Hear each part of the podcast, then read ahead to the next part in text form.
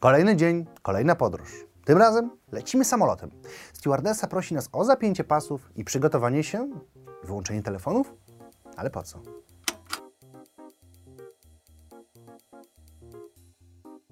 W większości samolotów zostajemy poproszeni o wyłączenie bądź też ustawienie telefonu na specjalny tryb samolotowy. Ma to na celu, jeżeli postanowimy zapytać o to obsługę, ograniczenie fal radiowych, które mogłyby zakłócić działanie maszyny, doprowadzając do katastrofy. Tylko skoro nasze urządzenia są tak niebezpieczne, to przecież można by wprowadzać kompletny zakaz ich wnoszenia na pokład, nakazując zostawienie ich w bagażu, tak jak masy innych obiektów, których nie możemy wnieść do samolotu. Żeby zrozumieć skąd w ogóle wziął się zakaz, musimy cofnąć się do roku 1991. Wtedy pojawia się on po raz pierwszy jako, że do końca nie zbadano jeszcze tego, jak bardzo telefony mogą wpływać na urządzenia, a podejrzenia były takie, że mogą to zrobić na tyle skutecznie, że doprowadzą do katastrofy, po prostu zakazano ich używania na pokładach. Przede wszystkim obawiano się, że rozmowy telefoniczne zakłócać będą rozmowy samolotu z wieżą, co byłoby dość prostą drogą do kolizji na pasie startowym albo w przestworzach. Istnieje dość obszerny raport NASA, który mówi, że elektronika może wpłynąć na działanie przyrządów w pojazdach lotniczych.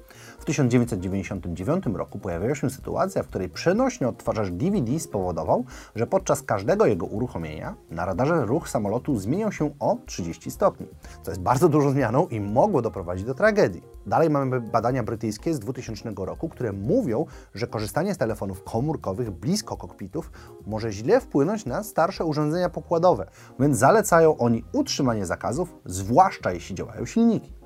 Ale jak można zauważyć, to dość stare badania, które dotyczą innego typu urządzeń. A co mówi się o korzystaniu z telefonów obecnie? Że nie jest to większym problemem. Postęp w technologii spowodował, że telefony i niektóre urządzenia operują na innych frekwencjach, więc można z nich korzystać.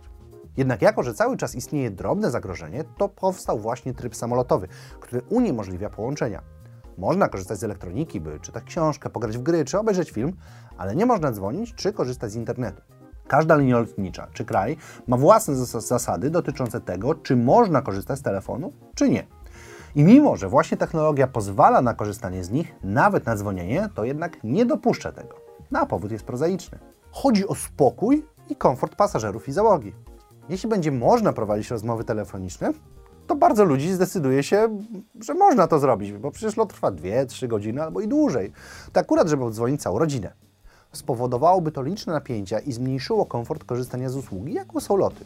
I owszem, jest pewne zagrożenie, które istnieje cały czas, że samolot może ulec awarii z powodu działającej elektroniki, jednak to zmniejsza się z każdym rokiem i kolejnymi postępami technologicznymi. Linie lotnicze bowiem bardzo dbają o nasz komfort i poczucie bezpieczeństwa, tak byśmy cieszyli się z lotów i regularnie z nich korzystali. No, telefony to jeden z przykładów, bo przecież skoro linie lotnicze podejrzewają, że mogą one zaszkodzić, to zabraniają z nich korzystać.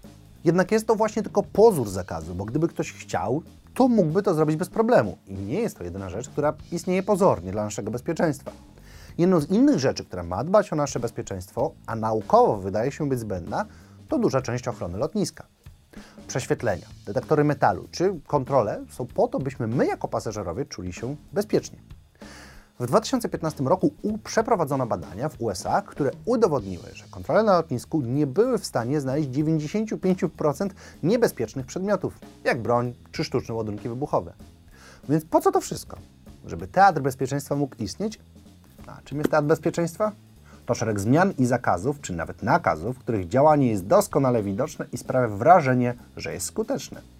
Szczególnie widać je po atakach terrorystycznych, gdzie na przykład w miejscach zgromadzeń publicznych pojawiają się detektory metalu, czy ludzie są przeszukiwani. Metody te robią wrażenie, ale da się je oszukać i ominąć, no, co działo się wiele razy. Faktycznie działania mające na celu zwiększenie bezpieczeństwa są niewidoczne. To działanie służb w celu wykrycia ataków i zagrożenia przed ich wystąpieniem. To zwiększona świadomość ludzi, co robić w takich sytuacjach. Rzeczy, których nie widać, a które faktycznie coś dają jednak nie są one w stanie zapewnić nam społeczeństwu bezpieczeństwa. No bo jeśli ktoś zapewnia nas, że gdzieś tam są ludzie, którzy pracują nad bezpieczeństwem, czy istnieje technologia, która blokuje te złe, szkodzące fale, to ciężko nam w to uwierzyć. Ale kiedy widzimy detektor metalu, zakaz korzystania z telefonu, czy osoby, które egzekwują te przepisy, to czujemy się bezpiecznie. Widzimy to, co zapewnia nam bezpieczeństwo. A przez to czujemy komfort i nie stresujemy się bardziej niż powinniśmy. Na dzisiaj to tyle. Mam nadzieję, że odpowiedziałem dosyć krótko, ale mam nadzieję, że zwięźle na nurtujące pytanie. E, zapraszam Was do innych odcinków. Być może na inne pytania Wam odpowiedzą. Zawsze możecie też słuchać jako podcast każdy odcinek, a także sprawdzać Instagrama